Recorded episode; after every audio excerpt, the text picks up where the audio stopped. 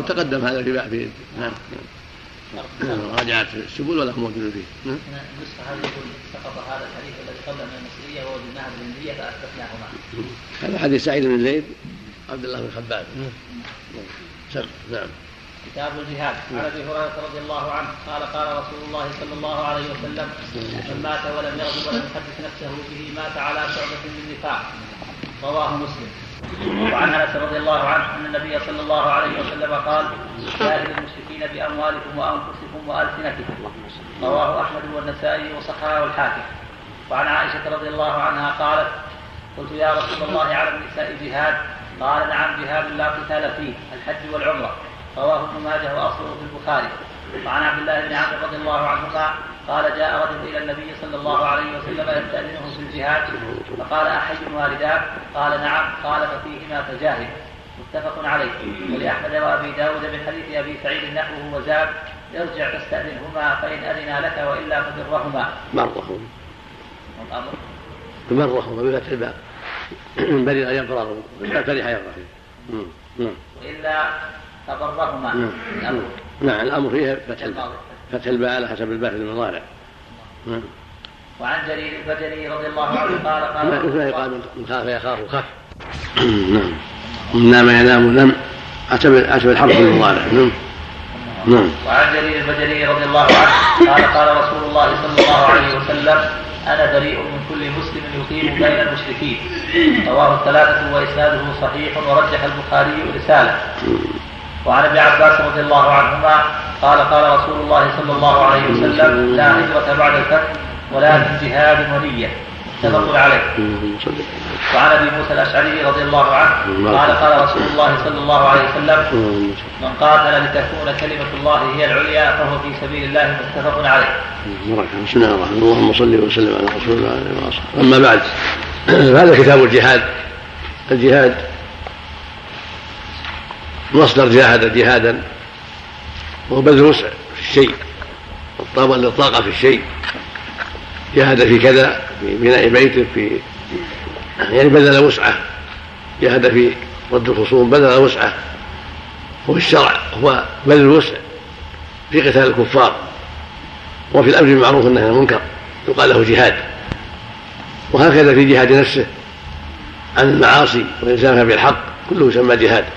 الشرع. قال تعالى ومن جاهد فإنه يجاهد نفسه قال تعالى والذين جاهدوا فينا لنهدينهم سبلنا قال سبحانه انفروا خفافا وثقالا وجاهدوا بأموالكم وأنفسكم في سبيل الله. صحيح عن النبي صلى الله عليه وسلم قال ما بعث الله من نبي أمة قبلي إلا كان من امتي حواريون وأصحاب يقول بسنته ويقتدون بأمره. ثم إنها تخلو بعد الخلوف يقولون ما لا يفعلون ويفعلون ما لا يؤمرون.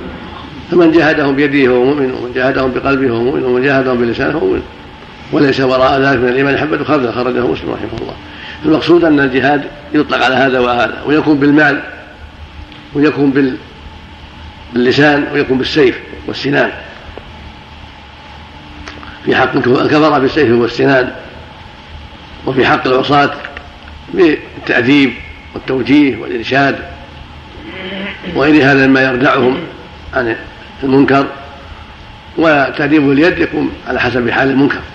من إقامة الحد إن كان فيه حد أو التعزير إن كان ليس فيه تعزير إن كان فيه تعزير.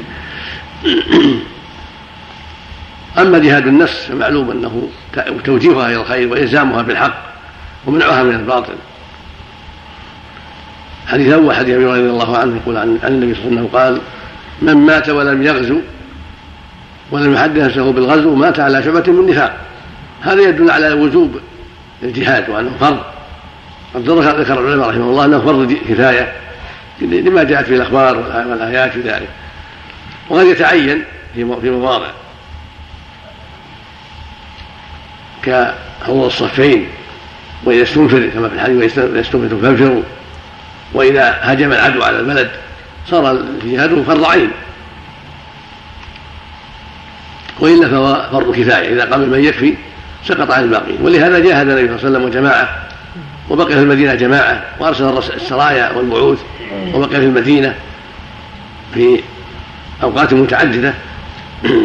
فهو فرض كفايه إذا حصل به إذا قام من يكفي من المسلمين في حماية الثغور وقتال الكفار سقط عن البقية وإلا أثموا جميعا. والواجب على المؤمن أن يعد نفسه لهذا وأن يتهيأ لهذا وأن يحدث نفسه بذلك وأنه سوف يجاهد. إن تيسر له ذلك أو إن دعت الحاجة إلى ذلك لا يغفل. فإذا غفل عن هذا وأعرض عن هذا كان هذا نوعا من من النفاق.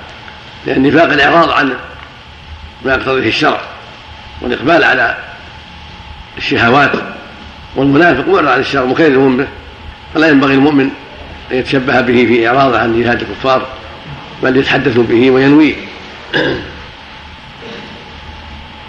والحديث الثاني حديث أنس رضي الله عنه عن النبي صلى الله عليه وسلم قال جاهدوا المشركين بأموالكم وأنفسكم وألسنتكم.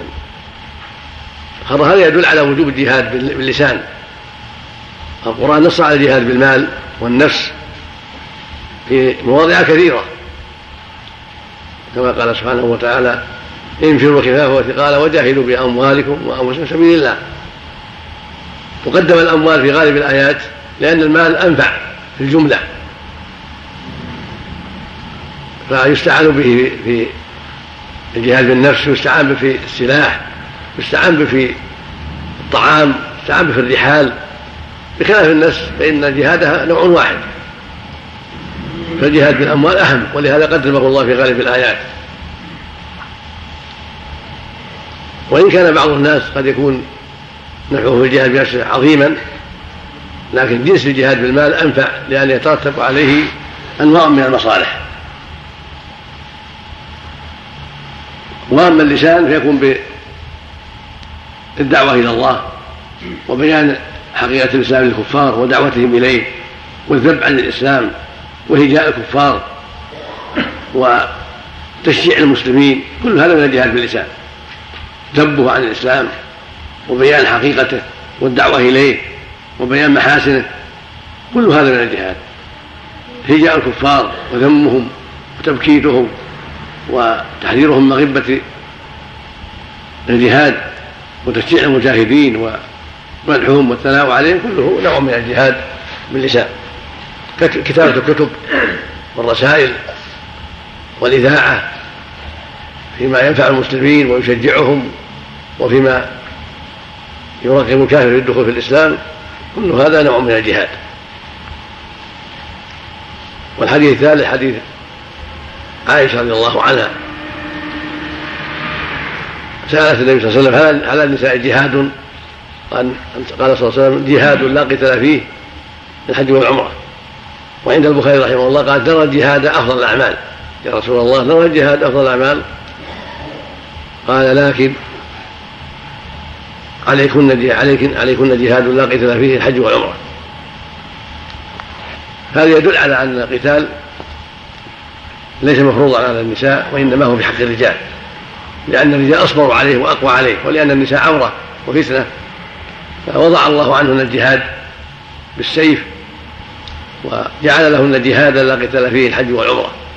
وهذا يدل على أن الحج والعمرة مشروع للنساء حتى غير الفريضة الفريضة فرض على الجميع.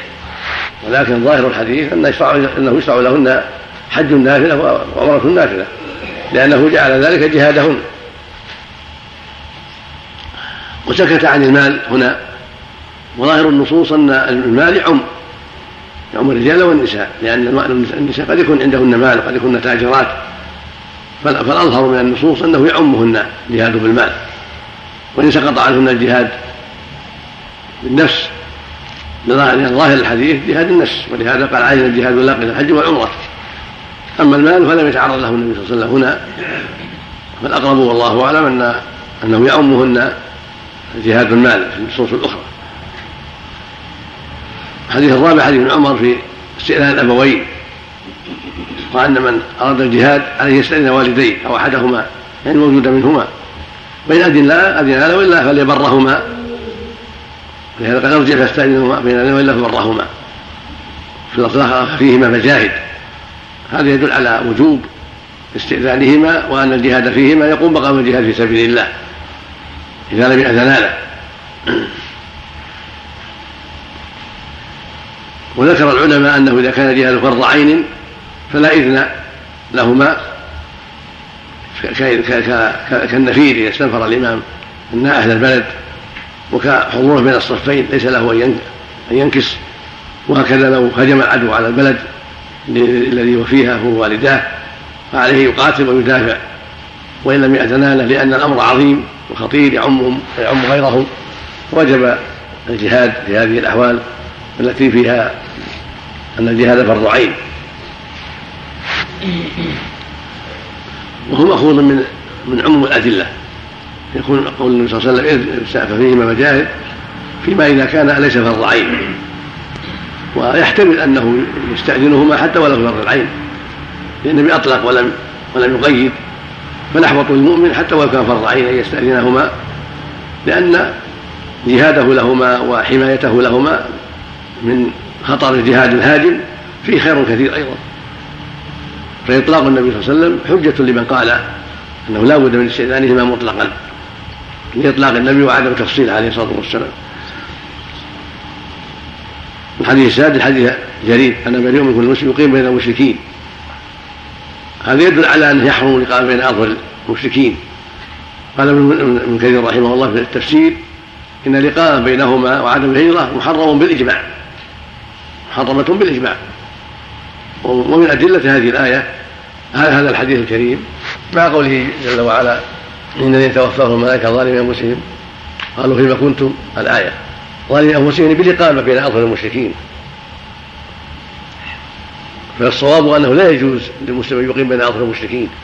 بل يحرم عليه إجماعا مع قدرة. أما إذا عجز فالله جل وعلا عفى عنه في قوله لقوله اسمع إلا المستضعفين من الرجال والنساء الآية فأما مع قدرة فيلزمه أن يهاجر وينتقل إذا وجد مكانا يهاجر إليه. إذا وجد مكان يهاجر وجب عليه الهجرة وإلا فهو معذور. وهذا بالنسبة إلى من ليس عنده علم. أما من كان عنده علم يستطيع إظهار دينه ودعوتهم كفار إلى الله فهذا إقامته بينهم نافعة. وقد تجب قد تستحب إذا كان للدعوة مجال. أما إذا خشي على دينه وأن ليس للدعوة مجال ويخشى أن يفتنوه فإنه يهاجر كغيره. أما إذا وجد مجالا للدعوة وعنده علم يتميز به عن غيره ويعمل به على دينه فإنه يدعو إلى الله ويقيم بينهم لإرشادهم وإظهار حقيقة الإسلام لهم وتحذيرهم من مغبة ما هم عليه من الكفر. لعل الله يهدي به من شاء منهم.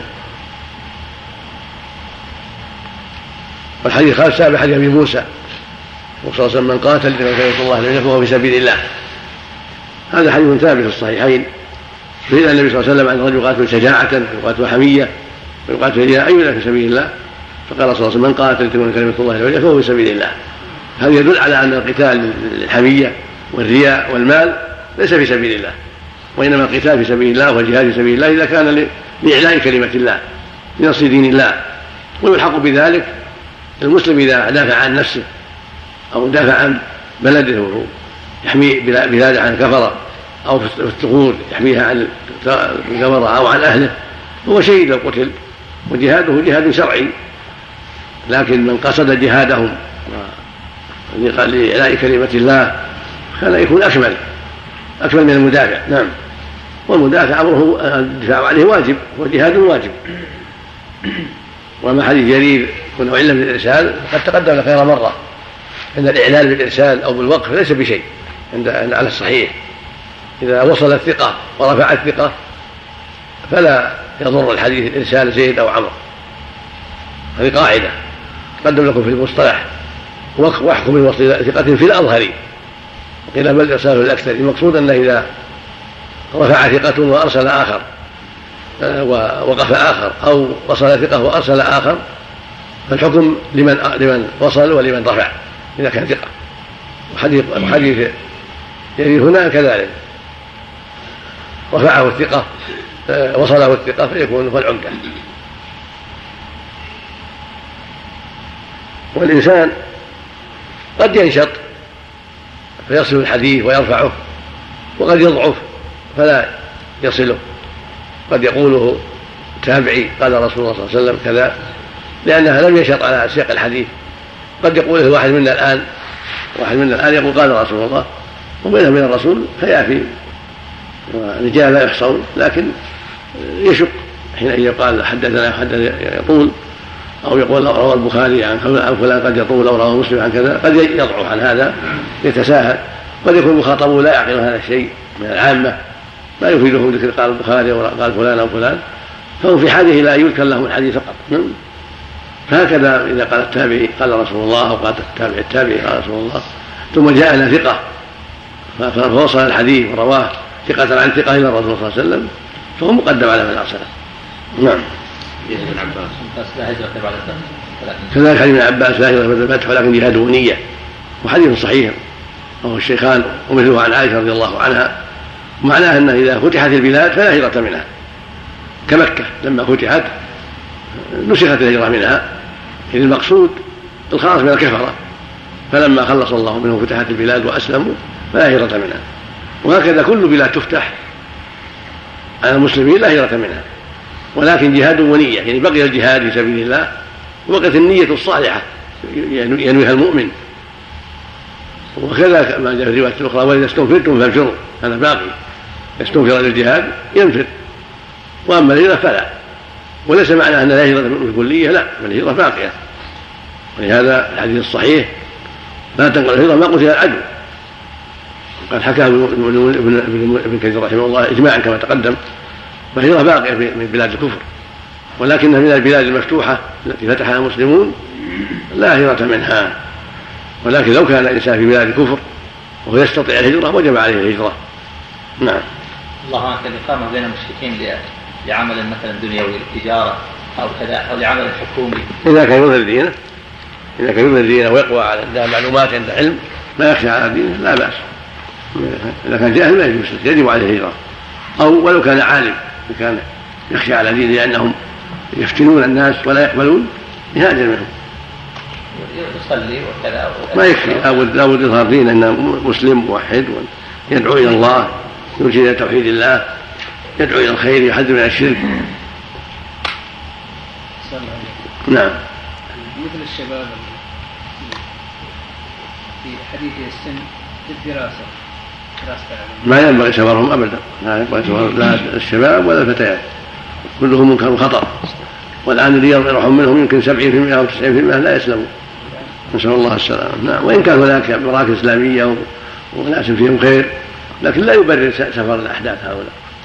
يجب أن يكون يعني طلبهم في بلادهم الإسلامية وبقاهم في بين المسلمين. لأنه اذا ذهبوا هناك خلعوا جلباب الحياة. وتساهلوا في كل شيء إلا من عصم ربه إلا القليل. فصاروا مع الكفره ومع الزناة ومع شراب الخمر. يحصل فساد كبير وبعضهم يبقى هناك. نسأل الله العافية. نعم. إذا احتل بلد من بلاد المسلمين فهل جميع المسلمين آثمون إن لم يجاهدوا في المش... يعني جميع المسلمين في المشارق والمغارب أم أهل ذلك البلد فقط؟ ذكر جمع من العلم انه يعم المسلمين جميعا مثل أفغانستان واشباهها الآن. نعم. يلزم المسلمين جميعا يساعدوهم نعم. يساعدهم بالمال؟ بالمال والسلاح والنفس. هذا هذا ظاهر كلام جمع من أهل العلم. لكن يقولون يعني يبدأ بالأقرب فالأقرب. يجب على الأقربين أكثر ما يجب على الأبعدين. يعني على باكستان وعلى من حولهم نعم. الواجب عليهم أكثر من اللي في في المغرب. نعم؟ نعم. هكذا الله فإذا لم يكفي من حولهم انجر إلى من بعود عنه نعم. القتال دفاع الله الدفاع تخليص الأرض. الظاهر انه جهاد شرعي. يعني واجب الدفاع. يجب الدفاع. وإذا قتل فهو شهيد. وقتل دون ماله دون دينه دون أهله هو شهيد. الرجل قال يا رسول الله يأتي رجل يريد مالي قال لا تعطيه مالك قال فإن قاتلني قال قاتله. قال فإن قتلني قال فأنت شهيد. وعن ماله. نعم. لكن لا يكون داخل في قول تكون كلمه الله يا علي لا كلها الشهاده بس نعم. سم نعم. آه طيب مثل باكستان ومن حولها لو تخاذلت عن مثل افغانستان كما هو حاصل الآن. متخاذل. قالهم بالله ثم باكستان. وهي عليها خطر مسكينه نعم. مشهورة باكستان جزاك الله خير. مشهورة وعليها خطر وقد نفعت الأفغانيين واوتهم وساعدتهم فهي مشكورة لكن يجب على غيرهم يساعدوا ما تكفي باكستان. جهاد النفس الخاص يا شيخ أو ما تكفي باكستان على جميع الدول الإسلامية والمسلمين يساعدوا بأموالهم وأنفسهم. قلتم أنه يشرع حديث عليكن بهذا لا قتال في الحج والعمرة يدل على مشروعيته بالنسبة للنساء كيف يجمع بين بين هذه ثم ظهور الحصر؟ في سند في سند نظر أو في سند نظر. لا لا, لا تقوم بحجة في ليس بذاك ليس بذاك سنده ولهذا حج حج نساء الصحابه مع عمر. أو حج أزواج النبي مع عمر. نعم هذا شيخ حفظكم الله بالنسبة للمستأذن في الجهاد ما يراعى نفسيه الاب الذي يستأذن؟ أحد الناس يقول لابنه والله ان التحيت فأنا بريء منك. هذا يستأذن في الجهاد؟ ما يراعى الأب المستأذن؟ إذا كان مسلم يستأذن ان كان مسلم لا يستأذن. لكن لا بد يكون مسلمين. لا بد يكونوا مسلمين. يقول إن التحيت أنا بريء منك. وهو نعم كل نعم شيء بسم الله الرحمن يقول النبي استأذنهما. قلت لك تقبل ولا ما تقبل؟ النبي يقول استأذنهما. نعم. صلى الله عليه وسلم. نعم. نعم. الحمد لله رب العالمين وصلى الله وسلم على نبينا محمد. نعم. بسم الله الرحمن الرحيم. الحمد لله رب العالمين. اللهم صل قال الحافظ ابن حجر رحمه الله تعالى وعن عبد الله بن السعدي رضي الله عنه قال قال رسول الله صلى الله عليه وسلم لا تنقطع الهجرة ما قتل العدو. رواه النسائي وصححه ابن حبان. وعن نافع رضي الله عنه قال أغار رسول الله صلى الله عليه وسلم على بني المصطلق وهم غارون. فقتل مقاتلتهم وسبى ذراريهم حدثني بذلك عبد الله بن عمر متفق عليه. وفيه وأصاب يومئذ جويرية. وعن سليمان بن بريدة عن أبيه رضي الله عنهما قال كان رسول الله صلى الله عليه وسلم إذا أمر أميرا على جيش أو سرية أوصاه في خاصته بتقوى الله وبمن معه من المسلمين خيرا. ثم قال اغزوا بسم الله في سبيل الله قاتلوا من كفر بالله اغزوا ولا تغلوا ولا تغدروا ولا تمثلوا ولا تقتلوا وليدا. وإذا لقيت عدوك من المشركين فادعهم إلى ثلاث خصال فأيتهن أجابوك إليها فاقبل منهم وكف عنهم. ادعهم إلى الإسلام. ما عندهم أو خلال الشرك لا ثلاث خصال أو خلال. ثلاث خصال ما عندهم أو خلال. نعم نعم. فأيتهن أجابوك إليها فاقبل منهم وكف عنهم. فأيتهن فأيتهن نعم. نعم نعم. فأيتهن أجابوك إليها فاقبل منهم وكف عنهم. نعم. ادعهم إلى الإسلام فإن أجابوك فاقبل منهم ثم ادعهم إلى التحول من دارهم إلى دار المهاجرين. فإن أبوا فأخبرهم أنهم يكونون كأعراب المسلمين ولا يكون لهم في الغنيمة والفيء شيء إلا أن يجاهدوا مع المسلمين. فإنهم أبوا فاسألهم الجزية. فإنهم أجابوك فاقبل منهم فإنهم أبوا فاستعن بالله وقاتلهم. وإذا حاصرت أهل حصن فأرادوك أن تجعل لهم ذمة الله وذمة نبيه فلا تفعل. ولكن اجعل لهم ذمتك فإنكم إن تخفروا ذمتكم. أن تخفروا. فإنكم أن تخفروا. يعني فإن إخفاركم نعم. فإنكم أن تغفروا ذمتكم أهون من أن من أن تغفروا ذمة الله. وإن أرادوك أن تنزلهم على حكم الله فلا تفعل بل على حكمك. فإنك لا تدري لا تدري أتصيب فيهم حكم الله أم لا. أخرجه مسلم. وعن كعب بن مالك رضي الله عنه أن النبي صلى الله عليه وسلم كان إذا أراد غزو ورى بغيرها متفق عليه. وعن معقل وعن معقل أن النعمان بن مقرن رضي الله عنه قال شهدت رسول الله صلى الله عليه وسلم إذا لم يقاتل أول النهار أخر القتال حتى تزول الشمس وتهب الرياح وينزل النصر.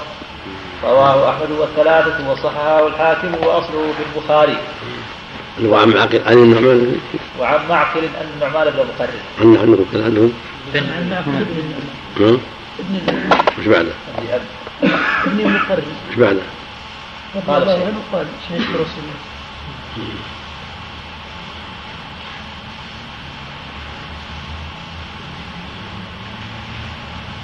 نعم. نعم. المعروف رواية المعروف أن الناس النعمان أخو سويد بن جماعة. هذا النعمان رضي الله عنه. نعم لكن معقل هل هو ابنه روى عن أبيه يحتاج إلى مراجعة الأصل. نعم. نعم. وعن الصعب بن جثامة رضي الله عنه. قال سئل رسول الله صلى الله عليه وسلم عن الذراري من المشركين يبيتون ويصيبون من نسائهم وذراريهم فقال هم منهم متفق عليه. عن الدار من المشركين عن الدار من المشركين مرة. بسم الله الرحمن الرحيم. اللهم صل على محمد وعلى آله وأصحابه. الحديث الأول حديث عبد الله بن السعدي. عن النبي صلى الله عليه وسلم قال لا تنقطع الهجره ما قتل العدل. هذا الحديث وما جاء في معناه احتج به العلماء على أن الهجرة باقية. ما دام العدو يقاتل ما دام الشرك موجود والعدو يقاتل. الجهاد قائم فالهجرة باقية. وأما قوله صلى الله عليه وسلم لا هجرة بعد الفتح فالمراد بالهجرة من مكة بعدما فتحت وصارت بلد إسلام فلا هجرة منها. لأن العلة زالت وهي وجود الشرك وظهور الشرك فيها. فلما فتح الله على المسلمين صارت بلد إسلام وهكذا كل بلد يسلم أهلها أو تفتح وتكون دار إسلام لا هجرة منها. أما الهجرة في نفسها فهي باقية. ولهذا قال الحافظ رحمه الله وجماعة إن الهجرة باقية إجماعا. فإذا أسلم الإنسان في بلد يظهر فيها الكفر ولا يستطيع فيها إظهار دينه وجب عليه الانتقام منها والهجرة منها إذا استطاع ذلك. فإن لم يستطع فهو معذور بقوله جل وعلا إلا المستضعفين من الرجال والنساء والولدان الآية.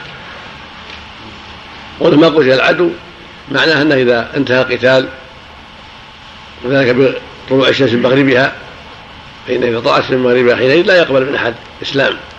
فينتهي القتال والجهاد فلا هجرة حينئذ لأن البلاد صارت واحدة الآن المسلم على إسلامه والكافر على كفره. والهجرة هي الانتقال بلاد الشرك إلى بلاد الإسلام لحماية الدين والبعد عن أسباب الردة والحذر من شر المشركين وما يعمل يعملون مع المهاجر مع المسلم فإنهم قد يؤذونه وقد يجرونه إلى الشرك. فشرع الله فشرع الله له الهجرة حتى يبتعد عن شرهم وعن ما يزينون له من الردة أو يقهرونه عليه من الردة. فكان هذا من باب الاحتياط والبعد عن أسباب الشر. والحديث الثاني حديث سليمان بن بريدة عن أبيه. بريدة بن حصيب الأسلمي رضي الله عنه. جاء في بعض النسخ عن عائشة ولكن ما وجدت لها أصل قد راجعت مسلما وليس فيها عن عائشة. وهكذا أبو داود ليس فيها عن عائشة وإنما هو الله أعلم غلط بعض النساخ في بعض نسخ القلوب وإنما الصواب عن سليمان عن أبيه فقط عن النبي صلى الله عليه وسلم. أنه كان إذا أمر من جيش أو سرية أوصاه بتقوى الله. أن يوصى في خاصة بتقوى الله. أن يتقى الله عز وجل في جميع أموره لأن التقوى هي أساس السعادة وأساس النجاة في الدنيا والآخرة. وهي العدة في ما يأتي ويذر. وهي أعظم سبب لنصرته على عدوه وإعانته على عدوه. وأوصاه بمن معه مسلمين خيرا. في رواية مسلم ومن معه في رواية أبي داود وبمن معه من المسلمين خيرا. وقال غزوا بسم الله. في سبيل الله قاتلوا من كفر بالله. الحديث هذا يدل على وسلم كان يعتني بعماله بأمراء يوصيهم بتقوى الله عز وجل ويوجههم إلى ما يفعلون. في جهادهم وينهاهم عما لا ينبغي لهم أن يفعلوه حتى يكونوا على بينة وعلى بصيرة. وهكذا ينبغي لولاة الأمور إذا أمروا الأمراء وأرسلوا الجيوش أن يوجهوهم إلى الخير وأن يعلموهم ما يعتمدون في حربهم وأن يوصهم بتقوى الله لأنها سبب العز النصر والتأييد. يا أيها الذين إن تنصروا الله ينصركم. فنصر الله في التقوى والاستقامة على أمره سبحانه وتعالى. وكان حقا نصر المؤمنين. والغزو بسم الله لمستعين بالله معتمدين عليه سبحانه وتعالى في سبيل الله في جهاد أعدائه وطاعته سبحانه وتعالى. اغزوا ولا تغلوا ولا تغدروا ولا تمثلوا ولا تقتلوا وليدا. نهاهم عن هذه الأشياء لما فيها من العدوان والغلو العدوان على بيت المال وعلى غنيمة المسلمين. ولا تغدروا نقض للعهد الذي أوجب الله الوفاء به. ولهذا حذرهم من عليه الصلاة والسلام. والله يقول واوفوا بالعهد إن العهد كان مسؤولا. ولا تمثلوا التمثيل هو قطع ما يشين الإنسان من يد أو أذن أو أنف أو نحو ذلك. فلا يجوز التمثيل بل يجب إذا قتل يقتل قتلة شرعية سليمة. إلا إذا كان التمثيل من غير قصد عند المقاتلة أو عند المضاربة أو عند المسايفة. هذا معذور فيه الإنسان إذا ضربه فأصاب وجهه أو أصاب يده أما عند القدرة فلا يمثل بل يقتل قتلة شرعية كما قال صلى الله عليه وسلم إذا قتلتم فأحسنوا القتلة. ولا تقتلوا وليدا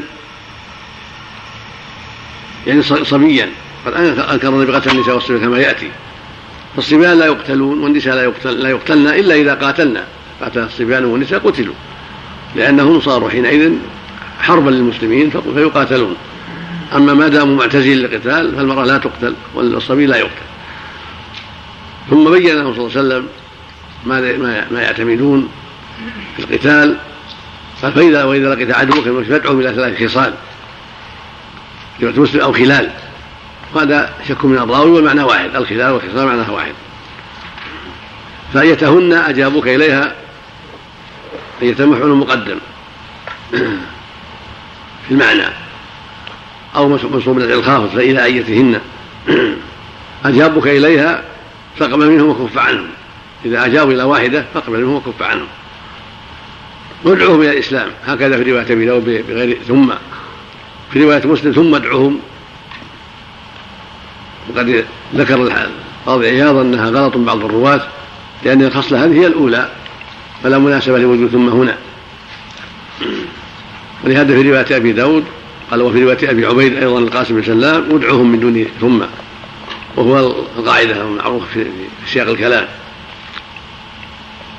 يعني ادعوهم أول الإسلام قبل كل شيء قبل القتال.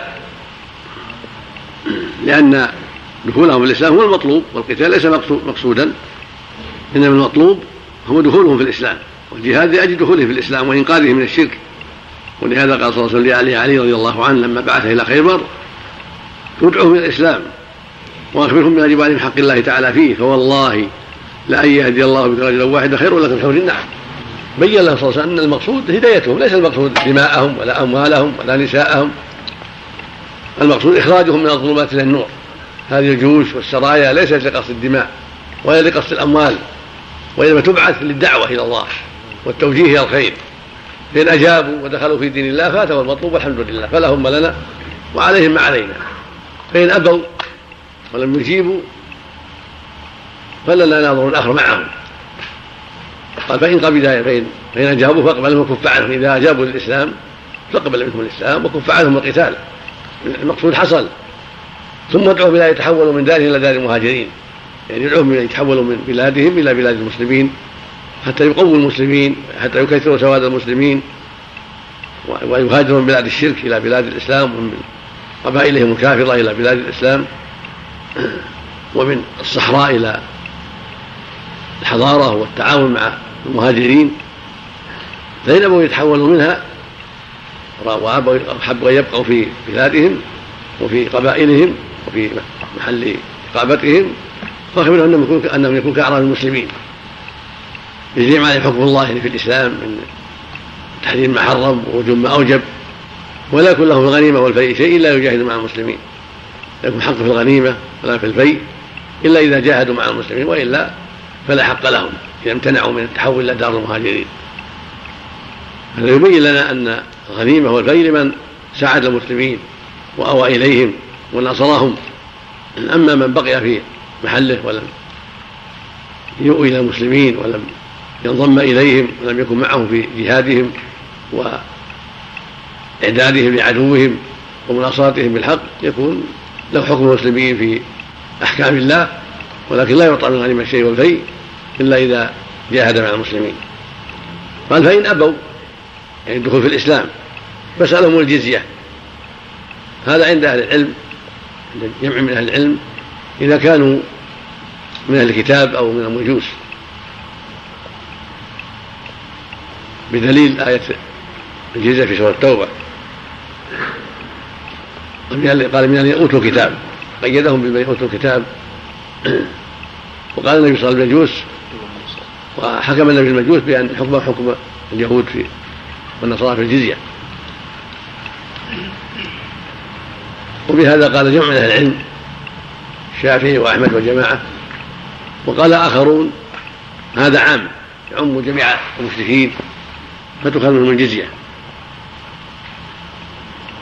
وهو قول جي قوي لأن الحديث هذا عام. يعني لقيت عدوك من المشركين ولم يقم من أهل الكتاب. وهذا حجة له قوية في أخذ الجزية من غير اليهود والنصارى والمجوس. ويكون قوله بالذين أوتوا الكتاب لا مفهوم له. بدليل حديث عدوك المشركين ومنطوق يقدم على المفهوم. وقال آخرون كأبي حنيفة وجماعة تؤخذ من جميع المشركين ما عدا مشركي العرب فإن الرسول صلى الله عليه وسلم ما أخذها منهم بل قاتلهم حتى أسلموا فدل ذلك على أن مشركي العرب لا تؤخذ من الجزية. ومن قال إنهم أنه يختص باليهود والنصارى قال إن الرسول صلى الله عليه وسلم لم يأخذها إلا من هؤلاء ولم يأخذها من العرب بل قاتلهم حتى دخلوا في دين الله.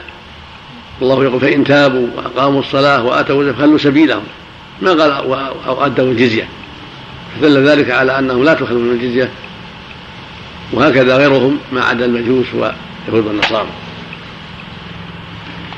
وهذا محتمل. حديث بريدة هذا قوي في حجة من أراد أن أجاز أخذها من الجميع. ولكن عمله صلى الله عليه وسلم في العرب وعدم أخذها منهم. الصحابة كذلك ما أخذوها منهم. ولا من العرب في الخليج في عمان وغيره. فقاتلهم حتى أسلموا. يقوي ما قاله الشافعي وأحمد وجماعة من أنها لا تؤخذ إلا من هؤلاء الثلاثة اليهود والنصارى والمجوس. وأن المفهوم وأن قولهم من الكتاب أمر مراد. ولهذا توقف الصحابة عن أخذها من المجوس حتى شهد عبد الرحمن بن عوف بأنها أخذها منهم. هذا هو الأقرب والأظهر. والقول الثاني قوي أيضا لكن هذا هو الأقرب والأظهر والله أعلم. وإذا حصلت أهل حصن فأرادوا أن تجد ذمة الله وذمة نبيه فلا تفعل. المؤلف اختصره المسلم فلا تجد ذمة الله وذمة نبيه ولكن له ذمته وذمة أصحابه. فإنكم أن تخفوا ذمتكم وذمة أصحابه أهون من أن تخفوا ذمة الله وذمة نبيه. المعنى أن إخفاركم إن وقع إخبار لا يجوز الإخبار بل يجب الوفاء لكن لو وقع إخبار فهو في ذمة الإنسان وأصحابه أهون وأسهل. من كونه في ذمة الله وذمة نبيه. يقال أخبر الرجل فلانا إذا نقض عهده وخانه بالهمزة من الرباعي ومنها أن تخفروا ويقال خفره إذا حماه ونصره. خفرت فلانا أو جعلت له خفيرا يعني حميته ونصرته. فبالألف ضد بإسقاطها. ومع الألف معناها النقد والخيانة وعدم الوفاء. وبحذف الألف معناها الحماية والنصر. وإن أرادوا أن تجزى على حكم الله فلا تفعل اختصر أيضا. وقال فلا على حكم الله ولكن تصرف على حكمه فإنك لا تدري تصيب حكم الله أن تصيب حكم الله أم لا. هذا دليل على أنه ينبغي إنزالهم على حكم الأمير وجماعته لأنه لا يدري هل يصيب حكم الله أم يغلط ويخطئ.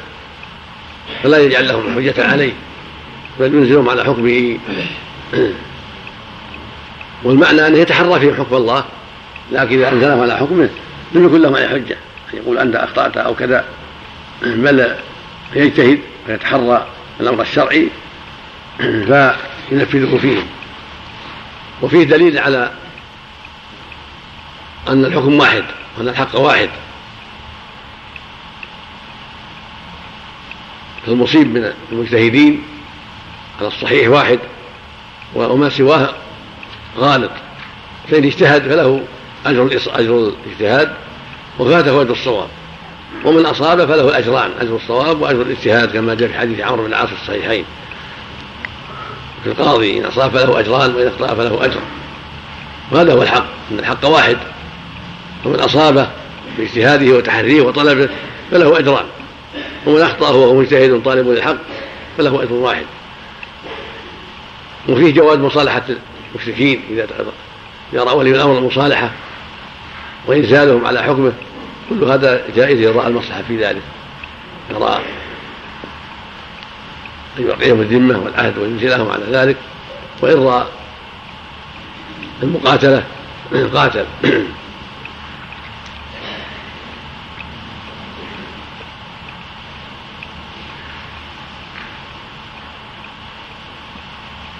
وفي هذا من الفوائد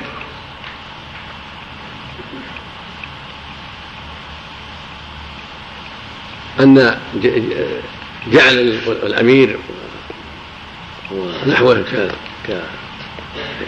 كالملك وأمير المؤمنين ونحو ذلك جعل ذمة الله وذمة نبيه للعدو لا غير سائر. لكن قال النووي رحمه الله وجماعة إن هذا على سبيل الندب والاستحباب ولكن لا أدري ما هو الصارف فإن ظاهر النص المنع في يجعله ذمة الله وذمة نبيه والمنع ينزلهم على حكم الله. ولعل الصارف مراعاة المعنى وأن الجميع في ذمة الله وذمة نبيه في المعنى لأن الرسول هو المبلغ عن الله والله جل وعلا شرع لنا أن نأخذ بشرعه وأحكامه. فإذا جعلنا في ذمة الله وذمة نبيه معناه في حكم الله وحكم نبيه. والناس كلهم في حكم الله وحكم نبيه. فإذا أنزلهم على ذلك فقد أنزلهم على الحكم الذي يجب عليه التزامه. ولكن هذا ليس بظاهر إن الرسول صلى الله عليه وسلم وضح العلة وبينها. قال إن الإنسان قد يخفر قد يغلط قد يحمله الهوى قد يحمله الحنق على المشركين على إخبار الذمة. فكون ذلك يقع في ذمته. أسهل وأهون من كونه يعطيهم ذمة الله وذمة ثم يخفر فالأظهر في هذا والله أعلم المنع والتحريم. هذا الأصل. يعني الأصل في النواهي المنع. هذا هو الأصل. والأصل الأوامر الوجوب. إلا إذا دل دليل واضح على عدم الوجوب وعدم التحريم. كذلك في الحكم بين العلة لا تصيب حكم الله أم لا؟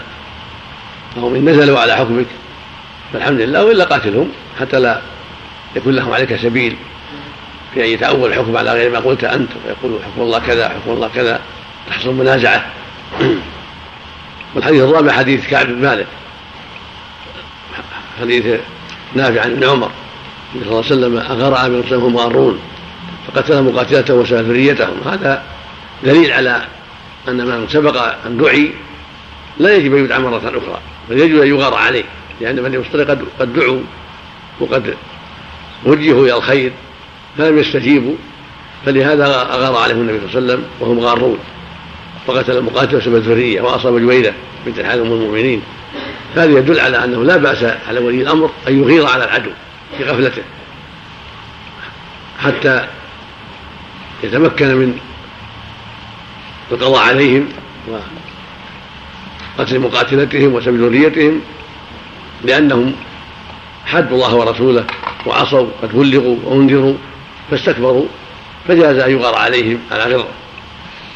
وهكذا فعل صلى الله عليه وسلم في بني المصطلق. وإن دعاهم قبل ذلك ورأى المصلحة في دعوتهم فلا بأس. إذا رأى المصلحة أن يدعوهم مرة أخرى فلا بأس. وقد يكون ذلك مستحبا إذا دعا إذا اقتضى المصلحة ذلك. كما فعل النبي مع اليهود فإن النبي قد النبي قد دعاهم غير مرة وأجلاهم إلى خيبر ثم مع هذا دعاهم مرة أخرى على يد علي. فدل ذلك على أن ولي الأمر إذا رأى تجد الدعوة مرة ثانية أو ثالثة لإقامة الحجة وقتل المعذرة ولعلهم يهتدون فلا بأس. وإن رأى أن يغير عليهم بعد الدعوة الأولى ولا يعيدها عليهم فلا بأس. الأمر في هذا واسع وهو إليه ينظر ما هو الأصلح للمسلمين وما هو الأقرب إلى الخير وما هو أنفع فيفعله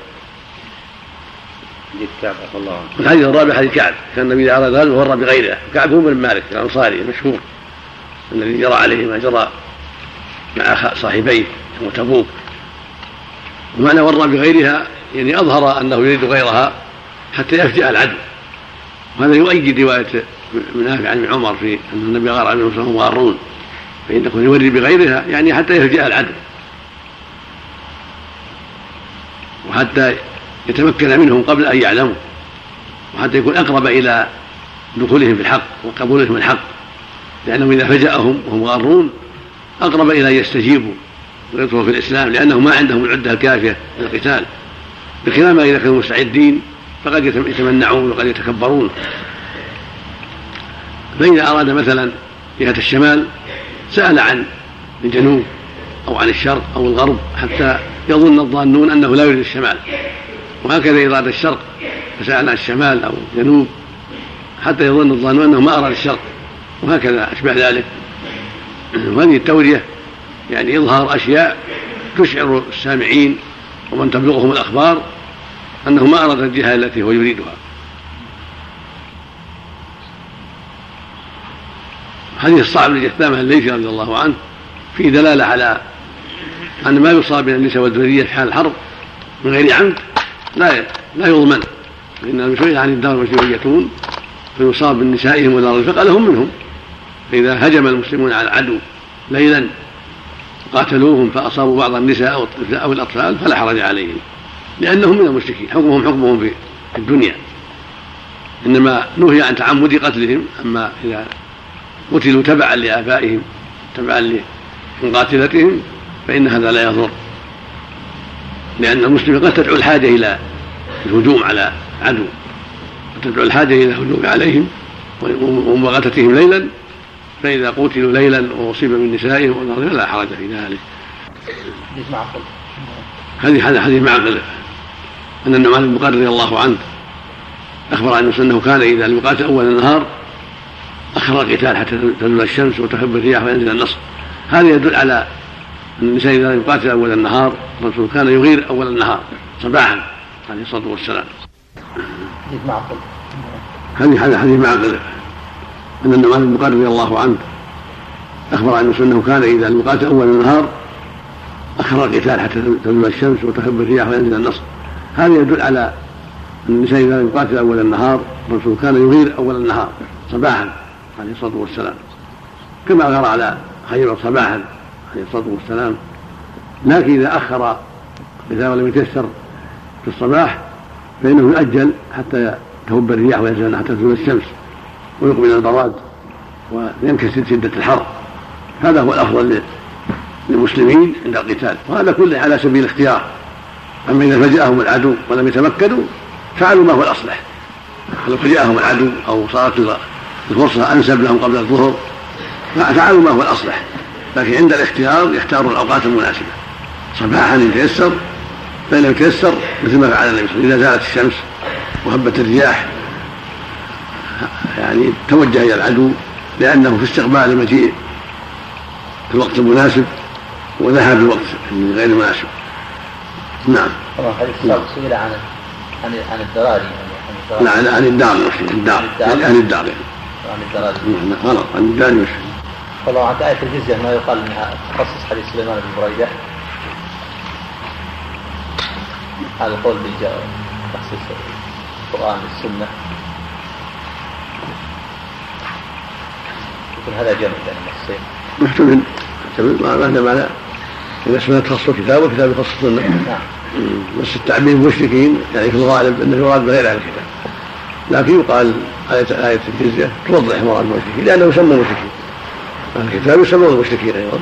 وإن كانوا إذا قرنوا مع المشركين غير أهل الكتاب لكن إذا أطلق الشرك فهو يعمهم من جهة جهادهم جهة كفرهم وضلالهم. وإن اختلفوا عنهم في بعض الأحكام نعم. من خصص العرب بأنه لا تجوز أخذ الجزية منه. نعم. من قال بأن العرب لا يجوز أخذ الجزية منه. قوله أظهر لأن الرسول ما أخذ منهم الجزية عليه الصلاة والسلام. ولو كانوا نصارى. قال وقاتلهم الصحابة بعد النبي صلى الله عليه وسلم بعد نزول الجزية قاتلوا بني حنيفة وقاتلوا غيرهم ولم يأخذوا منهم الجزية ولو كانوا نصارى أحسن نعم. وأقول ولو كانوا نصارى.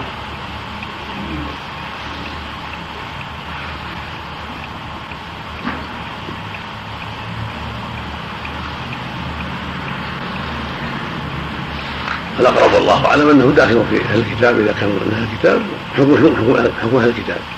لكن النصارى لا يقر في الجزيرة ما يسلموا ولا يبتعدوا عن الجزيرة نعم. لأن الجزيرة لا يقر فيها إلا مسلم. نعم. وغير المشركين الله. نعم. غير المشركين في جزيرة العرب. المشركين في غير جزيرة العرب من أبي حنيفة. لا مانع.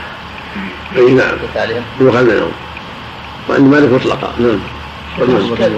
نعم. القرآن يخصص السنة. نعم.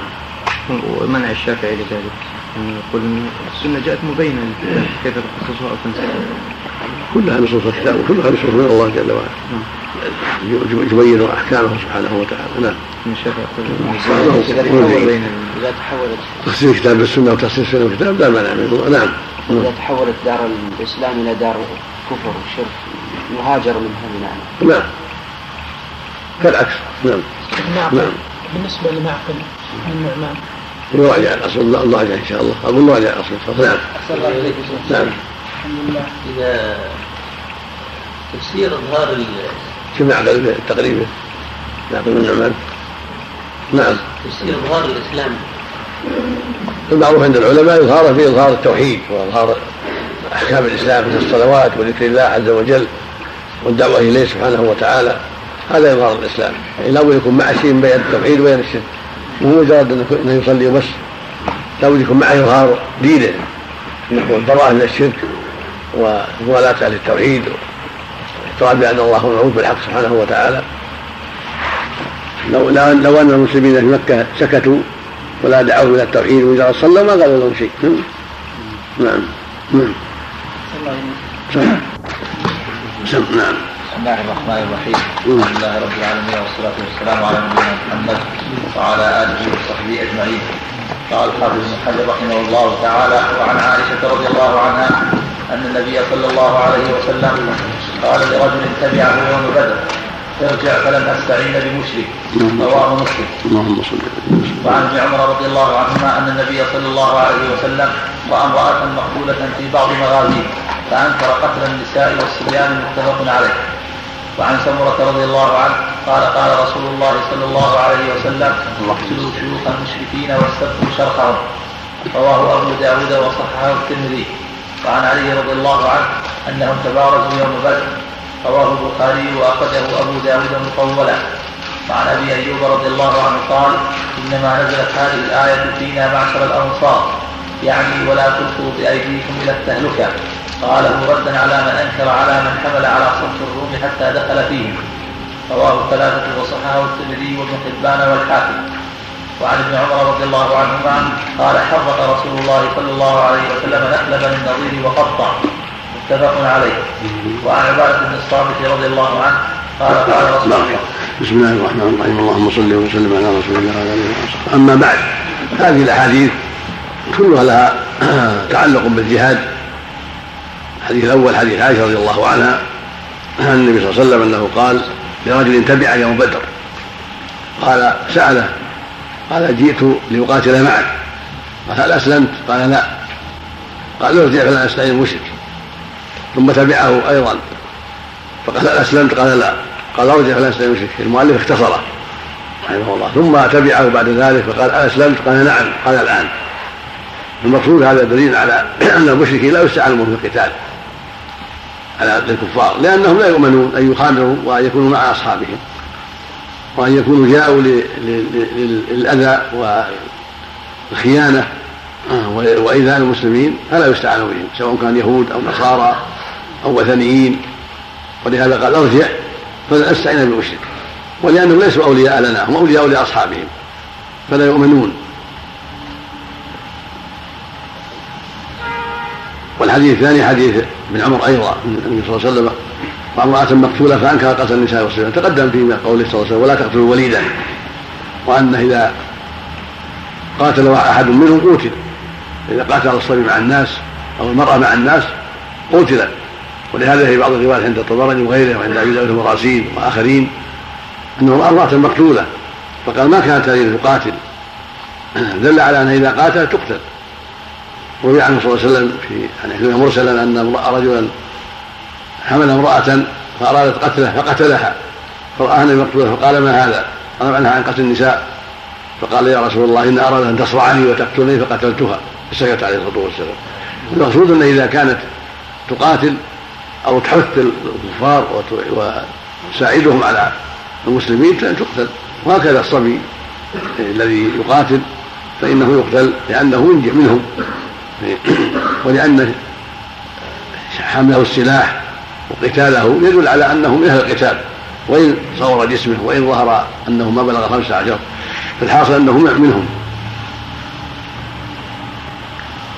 حديث ثالث حديث سمرة بن جندب رضي الله عنه أن النبي صلى الله عليه وسلم قال اقتلوا شيوخ المشركين واسرقوا شرقهم.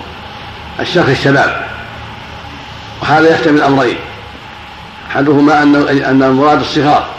فيكون من جنس حديث ابن عمر ومن جنس حديث بريدة ولا تقتلوا وليدا فالصغار لا يقتلون كما تقدم في النهي. ويحتمل امرا ثاني وهو, حال الاسارى وأن الشباب من الاسارى لا يستبقون قد ينفعون قد يهديهم الله لأنهم أقرب إلى الخير من الشيوخ.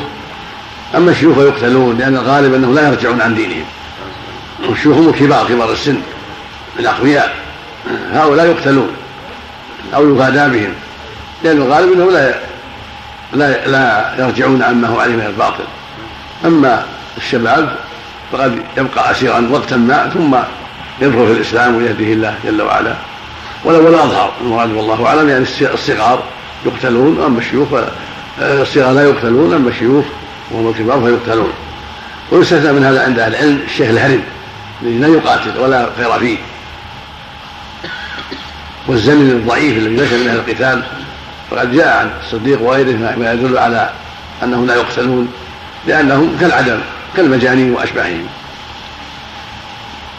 ما لم يقاتل أو يعيد الرأي كدرج بن الصمه لما كان في يوم الطاس قتل لأنه ذو رأي. وهو معه لا يقاتل لكنه ذو رأي يقول لهم افعلوا كذا وافعلوا كذا وتقدموا وتأخروا.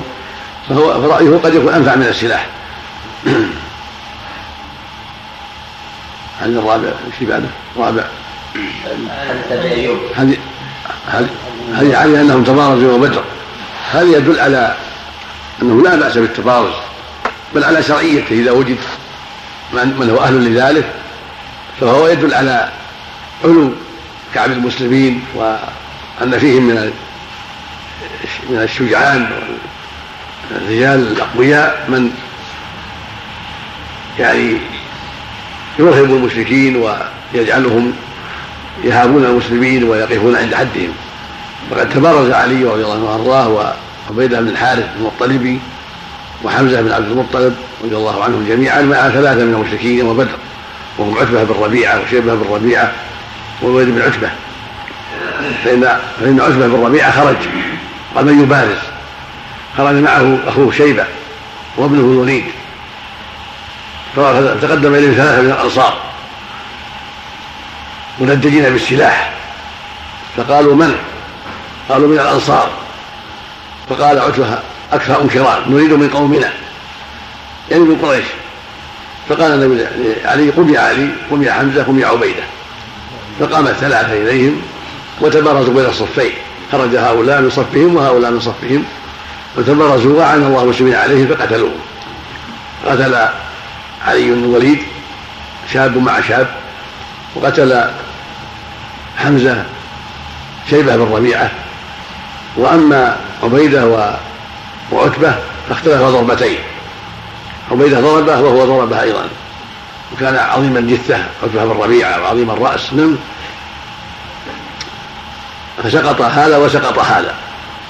فانصرف حمزة وعلي إلى عتبة فتمموا عليه كملوا عليه وأنهوا قتله.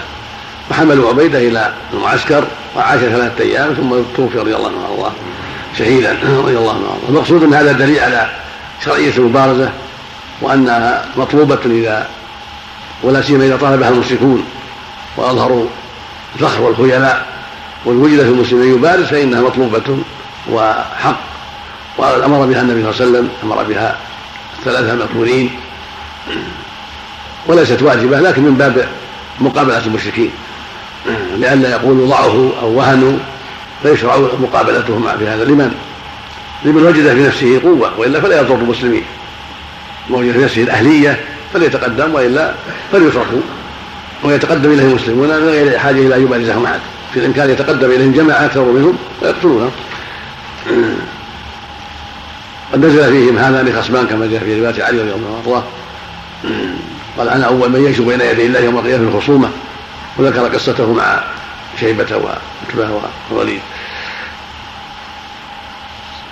الحديث الخامس حديث حديث أبي أيوب الأنصاري في قوله جل وعلا وأنفقوا في سبيله ولا تلقوا بأهل التهلكه في في قتال الروم تقدم بعض الصحابة وشق صف الكفار وحمل عليه حمله عظيمة حتى خلق صفه ثم عاد. فقال بعض الناس ألقى بيدك التهلكة. فأنكر عليه أبو أيوب قال ليس هذا من التهلكة. إنما التهلكة ان نبقى في في الزراعة والدنيا وندع الجهاد. هذه التهلكة. قد نزلت فينا لما قلنا فيما بيننا إن نصرنا الرسول صلى الله عليه وسلم وقت الشدة والآن لما وسع الله على المسلمين وكثر المسلمون لو لو جلسنا في مزارعنا نصلحها. فأنزل الله الآية. وأنفقوا ولا تلقوا بيدكم التهلكة. وصارت التهلكة ان نجلس في مزارعنا وأموالنا وندع الجهاد. وهذا يدل على أن لا بأس بأن يحمل المؤمن الشجاع القوي على العدو. قال العلماء لا بأس بهذا إذا رأى من نفسه القوة والشجاعة والإقدام وظن السلامة. لمقاصد جيدة لا لمقصد الرياء والسمعة ولكن لمقصد إرهاب المشركين أو إخافة أو تشجيع المسلمين. أو وجد فرصة من العدو فأراد أن ينتهزها أو ما أشبه ذلك من الأسباب. ولو ولو خاف أن يقتل. قال بعضهم ولو ظن أن يقتل لأن الرسول ما أنكر ولا فصل في هذا عليه الصلاة والسلام. فإذا حمل عليهم لمصلحة المسلمين لا للرياء والسمعة بل لمصلحة رآها فلا بأس وإن قتل. أما كونه ينتحر يعني يفعل أمرا انتحاريا كما ما يفعل بعض الناس اليوم يعبي السيارة من القنابل ويكون معها وهو أول قتيل معه. يعني معلوم أنه سيقتل نفسه بهذا أو يجعل يعبي نفسه يحمل على نفسه. من القنابل وأشباهها ما يكون محرقا له ولعدوه ثم يذهب إلى العدو ليفجرها في العدو ويقتل منهم الجنب الغفير. هذا محل نظر ولم يسبق لي فيه فتوى وعندي فيه توقف لأن أدلة الانتحار معروفة في تحريم قتل النفس وهذا فيه تيقن قتل النفس فيه تيقن لكن لمصلحة المسلمين. فهذا هو الذي عندي فيه توقف ولم يسبق لي فيه فتوى. اللي بعده. حديث حديث ابن عمر. حرق رسول الله. كذلك حديث ابن عمر السادس إنه يحرق دخل بني النظير. وقطع يعني قطع بعض اشجارهم بني النظير من من من اليهود. لما أظهروا العداد للرسول صلى الله عليه وسلم وهموا بقتله أمر بقتالهم وحاصرهم عليه الصلاة والسلام. اتقوا بالنخيل والأشجار فأمر النبي صلى الله عليه وسلم بتحريقها حتى لا يتقى بها حتى يتمكنوا من قتالهم. حتى نزلوا على حكمه وأجلاهم عليه الصلاة والسلام. فالحاصل أنه يجوز عند الحاجة قطع النخيل والأشجار إذا كانت يتقى بها حتى قتل الدواب إذا اتقي بها إذا كان العدو. يتقي بالنخيل أو بالاشجار ويؤذي المسلمين أو يقدم الإبل أو البقر أو الغنم يتقي بها لإيذاء المسلمين فلا مانع أن ينضرب بها قصدا وقطع النخل قصدا والشجر قصدا لهذا الحديث. وفي هذا يقول حسان رضي الله عنه وهان على سرات بني لوي حريق بالبغية مستطير البغيرة هي محل بني, النظير المقصود أن قتل الدواب وقطع الشجر والنخل واشباه ذلك وقت الحرب جائز لهذا الحديث الصحيح إذا إذا قررت المصلحة ذلك. أما ما يروى عن الصديق أنه أمر الجيوش أن لا يقطعوا شجرا ولا يقتلوا دواب هذا لعدم إذا كان ما في مصلحة لأن بقاء الشجر ينفع المسلمين بقاء الدواب تنفع المسلمين. فما فعله الصديق في في محله إذا اقتضت مصلحة ذلك وما أمر به النبي في محله. ولا يعارض قول النبي فعل النبي فعل الصديق لأن الحجه قائمة فعل النبي صلى الله عليه وسلم. ولا لا ليس لأحد يعارض ذلك نعم. لكن الجمع بين الأثر وبين الحديث أن فعل الصديق فيما إذا كانت المصلحة تقتضي ذلك. وأمر النبي صلى الله عليه وسلم بالتحريق فيما إذا اقتضى المصلحة ذلك ولا منافاة. وهذا هو الجاهل مثل هذا واشباهه بما يأتي من الآثار وما يأتي من الأحاديث. فإن الصحابة لا يتعمدوا بخلاف النبي صلى الله عليه وسلم. هم أتبع الناس له وأحرصهم على اتباع سنته والتاسي به عليه الصلاة والسلام. ولكن عرفوا المقصود أن قطعها ليس للعبث ولا تحريقها للعبث إنما حرقت وقطعت لمصلحة. فإذا وجدت المصلحة جاءت جاء التحريق وجاء القطع. وإذا فقدت المصلحة فلا حاجة إلى القطع ولا حاجة إلى التحريق. والله أعلم. سلم الله التخير الذي دلت عليه الآية ما قطعتم من لينة أو تركتم نزلت الآية. نزلت الايه في القصة هذه فبإذن الله. هذا يدل على جواز الأمرين. نعم. يعني فباذن الله الشرعي يعني. يعني لأنهم ما قطعوا لوجه الشرع فلا بأس وما تركوا لوجه الشرع فلا بأس. وهذا ما يؤيد ما تقدم أن من الجمع بين الأثر وبين النبي صلى الله عليه وسلم وأنها إن تركت للمصلحه فلا بأس كما فعل الصديق وإن قطعت للمصلحه فلا بأس كما فعل عليه الصلاة والسلام. واللينه نوع من النخل. نعم. قتل الحصاد نعم. بعض النخيل. تركوا بعض النخيل ألا يدل على هذا؟ يظهر والله أعلم. الظاهر ما قطع ما قطعوا كل شيء. المهم إنهم قطعوا بس بعض الشيء لاذاهم نعم. إذا قتل الكفار أطفالنا ونساءنا ألا نقتل نساءهم وأطفالهم معاملة بمثل أخذا بقوله تعالى وإن عاقبتم فعاقبوا مثل ما عاقبتم. ما يظهر لهذا الرسول ما عقل النساء والصبيان. وإذا أساءوا إلينا ما نقتل الصبيان النساء ما يظهر هذا. لكن هذا فيهم في أنفسهم هم إذا عاقبوهم إذا فعلوا هم في أنفسهم. مثل مثلوا بنا. نعم. نعم. نعم. فإن جل وعلا قتل فاجلاه نعم. أجلاه ما هو قتله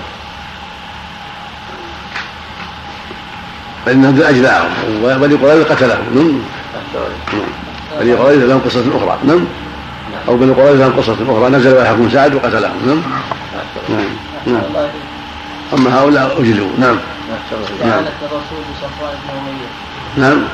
استعانة الرسول صلى الله عليه وسلم بصفوان بن أمية ارفع صوتك أقول استعانة الرسول صلى الله عليه وسلم الاستعانة بالدروع والاستلاح ما في بأس لكن بالمشرك لا. السلاح الاستعانة بالسلاح أو بالمال قرض ما في بأس.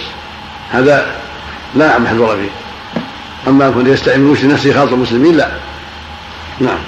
أما إذا استعان بالدروع أو سيوف أو رماح أو ما أشبه من بعض الكفار هذا ما يضرنا ينفعنا ولا يضرنا كافر في محله والسلاح عندنا نعم نعم.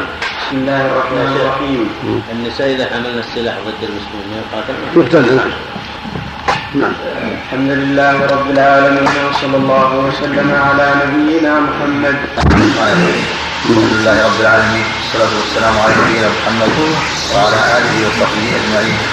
قال الحافظ بن حجر رحمه الله تعالى وعن عبادة بن الصامت رضي الله عنه قال قال رسول الله صلى الله عليه وسلم لا تغلوا فإن الغلول نار على أصحابه في الدنيا والآخرة. رواه أحمد والنسائي وصححه ابن حبان. وعن عبد بن مالك رضي الله عنه أن النبي صلى الله عليه وسلم قضى بالسبب للقاتل رواه أبو داود وأصله عند مسلم. وعن عبد الرحمن بن عوف رضي الله عنه في قصة قتل أبي جهل قال فابتدراه بسيفيهما حتى قتلاه. ثم انصرف ثم انصرف إلى رسول الله صلى الله عليه وسلم فاخبراه فقال ايكما قتله؟ هل مسحتما سيفيكما؟ قال لا. قال فنظر فيهما فقال كلاكما قتله. فقضى صلى الله عليه وسلم بسلبه لمعاذ بن عمرو بن الجموح متفق عليه. وعن مكحول رضي الله عنه أن النبي صلى الله عليه وسلم نصب المندليق على أهل الطائف.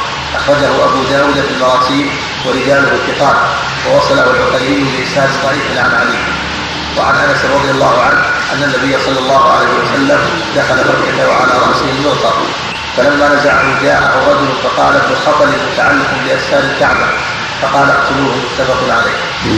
وعن سعيد بن جبير رضي الله عنه أن رسول الله صلى الله عليه وسلم قتل يوم بدر ثلاثة صبرا.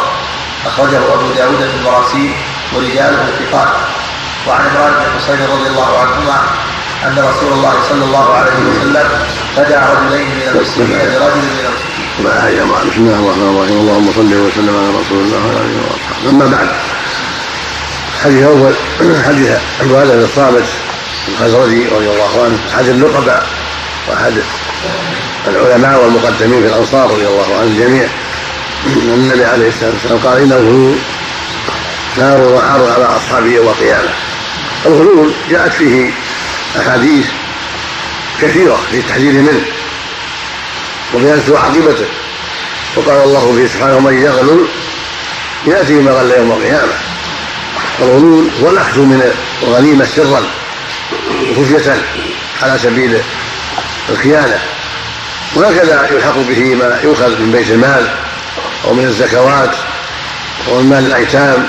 أو ما أشبه ذلك على سبيل السر والخيانة. فهو نار وعار نار يعاقب يوم القيامة وعار خزي يوم القيامة. فإنهم يفضحون يوم القيامة ويأتون بغلول على رؤوس الأشهاد. لهذا حذر من الغلول والنار في أن احدا منهم يوم القيامة يأتي وعلى رقبته بعير له رغاء.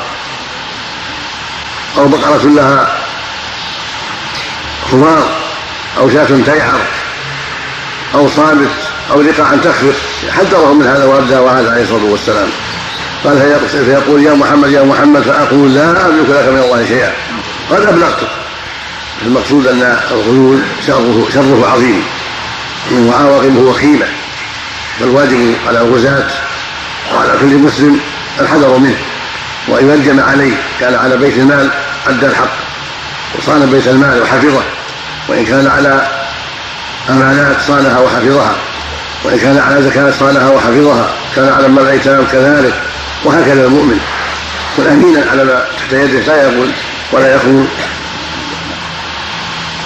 فالغلو نار وعار على أصحابه يوم القيامة. واختلف العلماء هل يحرق متاع الغال؟ على قولين. فالجمهور قالوا لا يحرق لأنه لم يثبت في حديث صحيح يعتمد عليه. وذهب أحمد وجماعة إلى أنه يحرم عقوبة له عاجلة. متاعه لا كافر معه وقول الجمهور في هذا أصح. والجمهور في هذا أقوى. وقد ثبت عنه صلى الله عليه وسلم أحاديث كثيرة في الغلول. ولم يثبت تحريق المتاع. من هذا المانع الذي غلوا يثبت انه حرق متاعهم بل قال إن الشمله التي غلها تشتعل عليه نار لما قالوا إنه شهيد. هذا الآخر قال ان العباءه التي غلها تشتعل عليه نارا المقصود أن الغلول عقوبته أخبر الله عنها في الآخرة. ولكن لولي الأمر ان يعاقب بما يرى. يسجنه يضربه يعاقبه بشيء من المال. هذا إليه. لكن التحريق لم يثبت التحريق. قد رواه أحمد الترمذي وابو داود من حديث أبي واقف الصغير المدعو صالح بن محمد بن زائده عن سالم عن عن ابي ابن عمر عن عمر ان النبي حرق متاع الغال. وروي عن بن سعيد بن جدة ان النبي حرق متاع الغال وهكذا صاحباه ابو بكر وعمر لكنهما حديثان لا يثبتان واقد ليس واقد الصغير هذا ضعيف عند أهل العلم. ورواية عمر غير ثابتة. حين رواها شخص يقال له زهير بن محمد قيل إنه الحجازي وهو روايته. روى عنها الشام. ليست جيدة بل فيها مناكير واغلاط كثيرة. وقيل إنه مجهول. هذا زهير بن غير زهير المعروف بكل حال فالحديثان ضعيفان.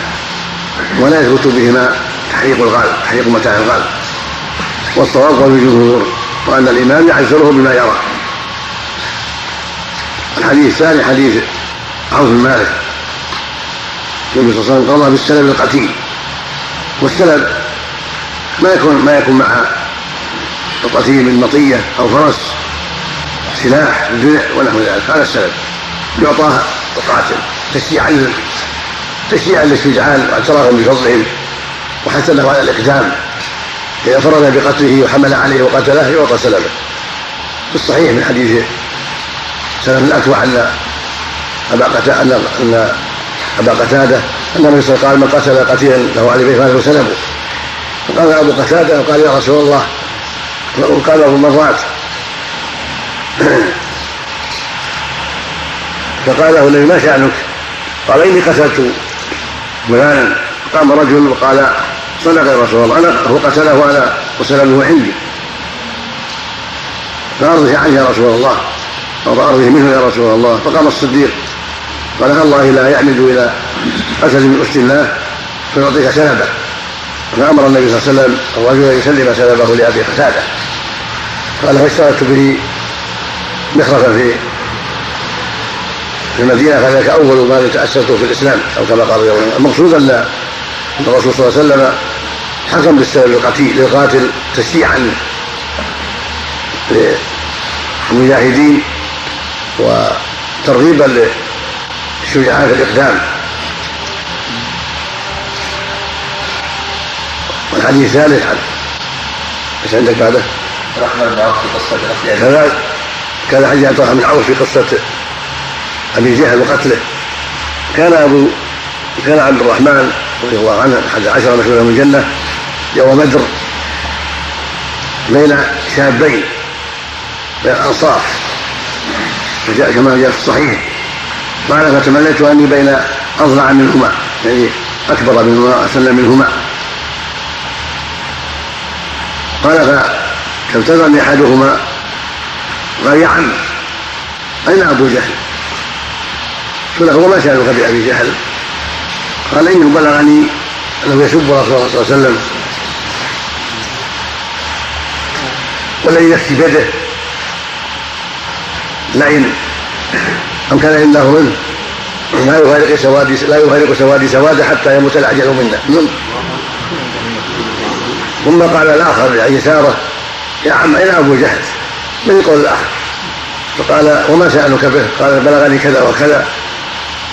فلئن امكن الله منه لا لا يفارق سوادي سوادا حتى يموت العجل منا. قال هو قال فنظرت في الناس فإذا أبو جهل يجول في الناس. قلت لهم لهما هذا صاحبكم وأشرت إليه. قال فارتد راه بسيفيهما حتى قتله. ثم جاء النبي صلى الله عليه وسلم فأخبره. فقال هل مسحتما سيفيكما؟ قال لا. فرأى فرأياه سيفيهما فقال كلاهما قتله. وقضى بسلبه معاذ بن عمرو بن جموح. قال العلماء لأن ضربة معاذ كانت أوحى وهي التي قتلته.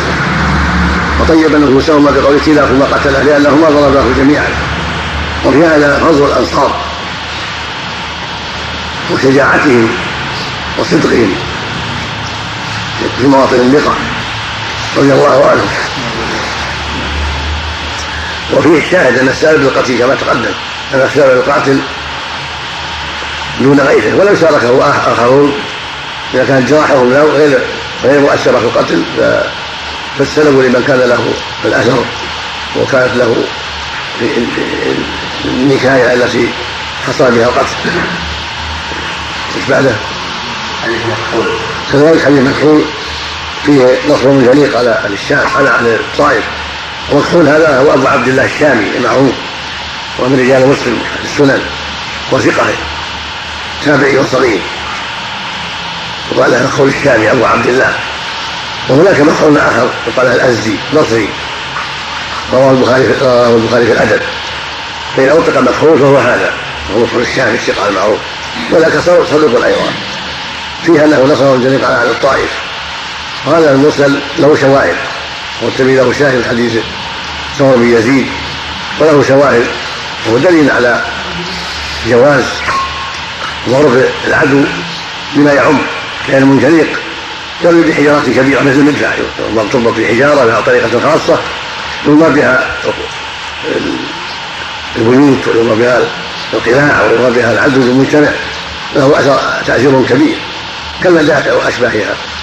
هذا يدل على جواز رمي العدو بما يكون يكون اثره فيه أشد من النبل كالمنجنيق والمدفع وأشباه ذلك. اذا اعتصم صمم على عدم الانقياد وعدم الدخول في الإسلام فللمسلمين يرموه بما فيه نكاية له لعله يسلم أو ينتهى منه وتفتح بلاده. حديث خامس حديث أنس. النبي صلى الله عليه وسلم دخل مكة وعلى رأسه المغفر.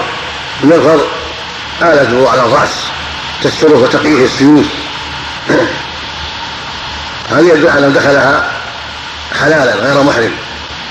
لأنه ما جاء لعمرة ولا للحج جاء لقتال المشركين وإخراجهم من البلاد أو افتتاحها وإسلامهم هذا يدل على جواز قصد مكة بغير إحرام إذا كان القاصد لم يريد الحج ولا عمرة. وهذا هو الصواب من قولي العلماء. وقال آخرون من خصائصها أن لا يدخل العدل بإحرام. وهذا قول ضعيف مرجوح. والصواب أن أنه يجوز دخولها بغير إحرام. لمن لم يريد القتال لمن لم يريد الحج والعمرة وإنما أراد القتال عند عنده وجود مسوغ. أو عند أو أراد التجارة أو أراد تجارة قريب أو صديق أو نحو ذلك. ويدل على هذا المعنى ما رواه الشيخ من حديث ابن عباس رضي الله عنهما قال هن لهن لما وقعت الموقيت قال هن لهن ولمن أتى عليهن ولأهلهن من أراد الحج والعمرة. فجعل الإحرام والإنسان لمن أراد الحج والعمرة. فقيل للنبي صلى الله عليه وسلم خطر متعلق بأسر الكعبة فقال اقتلوه هذا يدل على جواز قتل من ألحد في الحرم من أهله فإن هذا ملحد وإن كان النبي صلى الله عليه وسلم أذن له في القتال ساعة من نهار لكن هذا قد وجد في فيه أسباب القتل وهو أنه مرتد ارتد عن الإسلام وزمن مكة. و فيحتمل أن يكون قتل النبي صلى الله عليه وسلم لردته وإيذائه للنبي صلى الله عليه وسلم وهجوه له ويحتمل أنه قتله في الساعة التي يبيح له فيها القتال عليه الصلاة والسلام. وكان هذا هجاء كان له جاريتان تغنيان بهجاء النبي عليه الصلاة والسلام مع ردته. وذكر الشارع وغيره أنه قتل أيضا مولا في طريقه لما ارتد لما أمره بإحضار الطعام فتأخر فقتله. ثم ذهب إلى مكة مرتدا فالمقصود أنه صلى الله عليه وسلم قتله إما في الساعة التي له فيها وإما لأنه قام به السبب الموجب للقتل وهو الردة والسب والهجاء. وقتلت إحدى جاريتاه إحدى جاريتيه قتلت واستمنى للأخرى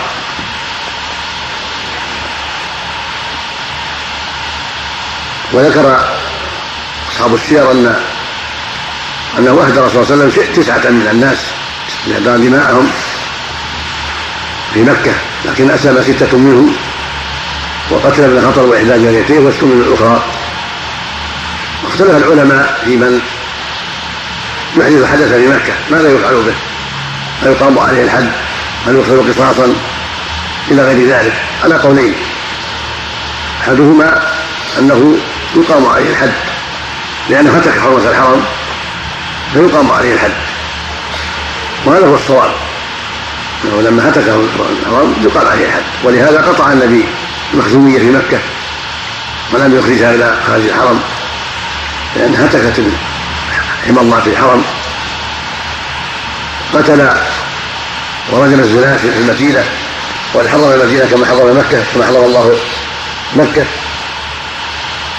وقتل الاوليين فدل ذلك على من هتك الحرمه يضم عليه الحد أما من جاء في الخارج قال الله قال الله سبحانه من دخله كان آمنا. الخبر معنى معنى الأمر تامينا فيؤمن حتى يخرج ثم يقام عليه حد إذا جاء معظما للحرم وليس مثل الذي هتك الحرم. الذي جاء معظم أمر به تامينا دخله كان آمنا. بخلاف الذي هتك الحرم سرق قتل زنى فيقام عليه حد ولو ولو جاز ترك ذلك لصارت مكه مأوى للمفسدين والمجرمين. الحاصل أن من هتك الحرم يقام عليه حد الحرم فالزاني يرجم والبكر يجلد والمرتد يقام عليه حد القتل وقاتل عمدا يقتص منه. هذا هو الصواب في هذه المسألة. أما من جاء من خارج جنب جنب فهذا يعني يعمل معه ما يخرجه من التضييق عليه ومطالبته بالخروج فإذا خرج قتل هناك خارج الحرم حتى لا تضيع الحقوق. الحديث السادس أن النبي صلى الله عليه وسلم قتل ناسا صبرا يوم بدر وهم النضر الحارث. كان من من للنبي صلى الله عليه وسلم هكذا عقبه بن أبي معيط. والثالث طعيمه بن عبد اخو المطعم. عم جبير بن المطعم وهذا في جواز قتل صبرا اذا رأى ولي الأمر ذلك. فتمكن من اعدائه فله القتل. حق الاسير إن شاء قتل وإن شاء اشترط وإن شاء عفا وإن شاء فاد كما يأتي. كلام على هذا الحديث بعد هذا إن شاء الله. وروى مسلم في الصحيح عن عبد الله بن مطيع. النبي صلى الله عليه وسلم قال لا يقتل قرشي صورا بعد يوم. وهذا خبر معناه النهي. وهو مشكل ويحتاج إلى تأمل ومراجعه كلام أهل العلم فيه لأن القرشي قد يأتي بجريمة توجب قتله صبرا.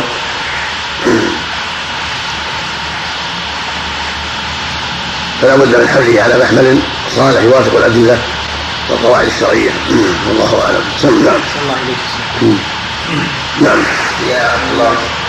طلع السلف معاذ بن عمرو يعني يعني وجد الأثر في السيف يعني أكثر. فإن كان راى صلى الله عليه وسلم علم من سيفه يمكن السيف دخل كثيرا كان راى الدم يعني كثير أو العلامات الأخرى خلال يعني نص السيف أو يعني شيء واضح. لا بد النبي صلى الله عليه وسلم شيء واضحا نعم. نعم. يصور نفس الله اليكم معناها نعم. يعني؟ يعني يوقف يحبس ويقتل هذا صبرا. يعني يمسك يقيد ثم يضرب بالسيف. ما هذا صبر بخلاف قتله في الصفوف هذا ما يسمى صبر نعم. حضرتك ابن خطل في أسفل الكعبة؟ ألا يحتمل ان يكون قد أسلم؟ أو تابع نعم. أسلم ما خفي بارك نعم. أقول أسلم ما خفي. النبي ما يقتل مسلما إلا بهذا الحق شرعي اخر نعم. نعم. احراق نعم. العدو. بالنار. ما يجوز التعليم بالنار ما يجوز. لا ليس تعذيب وانما من باب القتال النبي النبي نهى عن قتله بالنار عن التعليم بعذاب الله نعم. ثم رمي رميهم بمنجنيق رميهم بقنابل نعم. وإذا فعلوا هنا نفس الشيء. يحرقون بالنار. نعم. وإذا احرقوا المسلمين بالنار. الله أعلم. نعم. صلى الله اخذ خارج الدوام الآن وعدم وجوده هل يعتبر من الغلو؟ نعم. إذا كتب الإنسان خارج دوامه ولا يحرق أو انتدابه ولا يذهب إليه هل يعتبر هذا من الغلول؟ ولا شك خيانه من الخيانات ومن الخيانه وقد يعتبر من جهة الذي أعطى الذي فعل الذي اعطاه وهذا ساعده واخر رجع بغلو نعم. نسال الله السلامه نعم. بسم الله الرحمن الرحيم.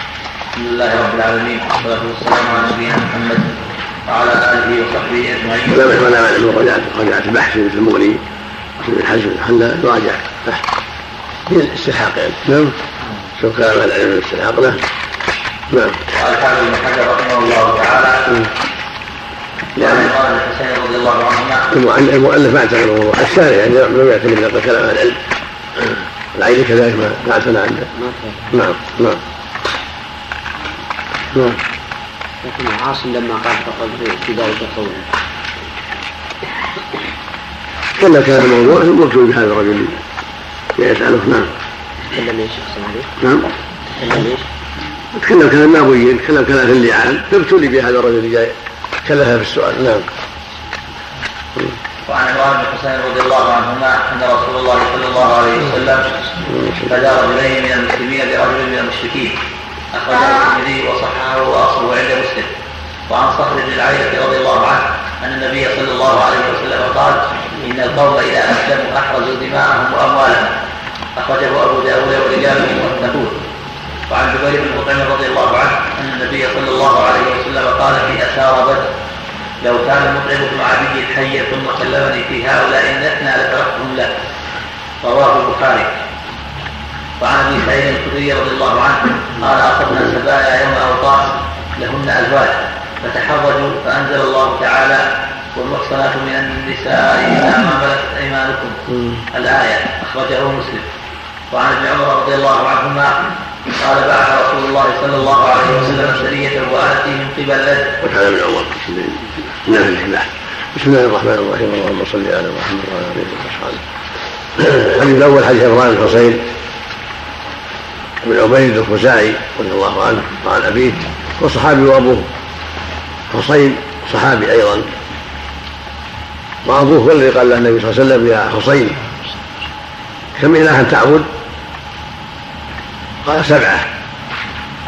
قال فمن تعد لرغبتك ورهبتك. قال الذي في السماء. ثم أرشده النبي صلى الله عليه وسلم ودعا إلى الإسلام فأسلم. المقصود ان أنه صحابي وابا الصحابي يقول النبي عليه وسلم فدى رجلين من المسلمين عند المشركين برجل مشرك. هذا فيه دلالة على جواز المفادات بالأسرى. وقد تقرر في الأسرى أربعة أحكام. منها ما ذكره الله في قوله جل فإما منا بعد وإما فداء. وأن الأسير إن شاء ولي الأمر من عليه بالإطلاق والعفو إذا رأى مصلحة في ذلك. وإن شاء اخذ فدية فيه من أهله. وهذا شيء يتعلق بالمصلحة لا بالتخير الشهواني الذي ليس له تعلق بمصلحة الإسلام لا. ليس له أن يختار شيئا من أجل هواه بل ينظر للمسلمين ويختار ما هو الأصل للمسلمين فإن رأى المصلحة في العفو من؟ وإن رأى في أخذ فدية أخذ فدية. والثالث أن يفادي به. من المشركين بعض الأسارى اللي عندهم. والرابع للشرقاء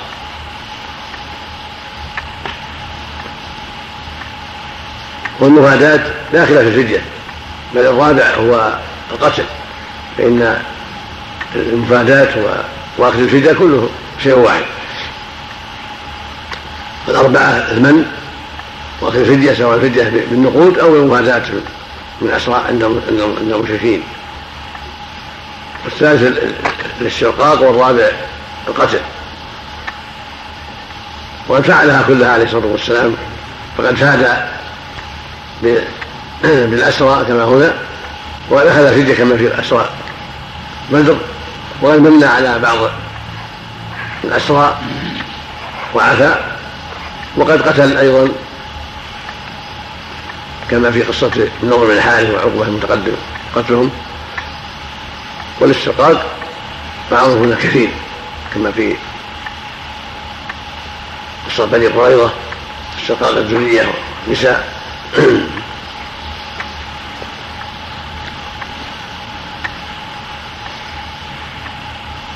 الحديث الثاني حديث صخر بن العيلة.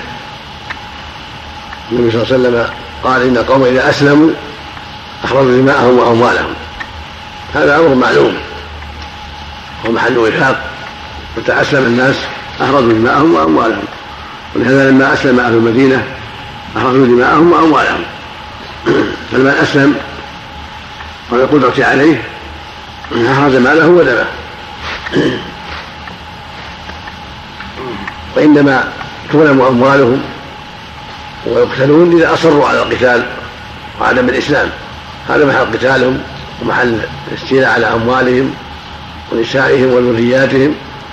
فإذا أسلموا قبل ذلك أو عند القتال رغم ولي الأمر. الموافقة على إنهاء الحرب وأنهم سيدخلوا في الإسلام وجب قبول قولهم فإنهم مدعوون. فإذا أنابوا وقبلوا الإسلام أحرزوا دماءهم وأموالهم. وقصة قصة أسامة وصاحبه لما قتل بعدما قال لا إله إلا الله أنكر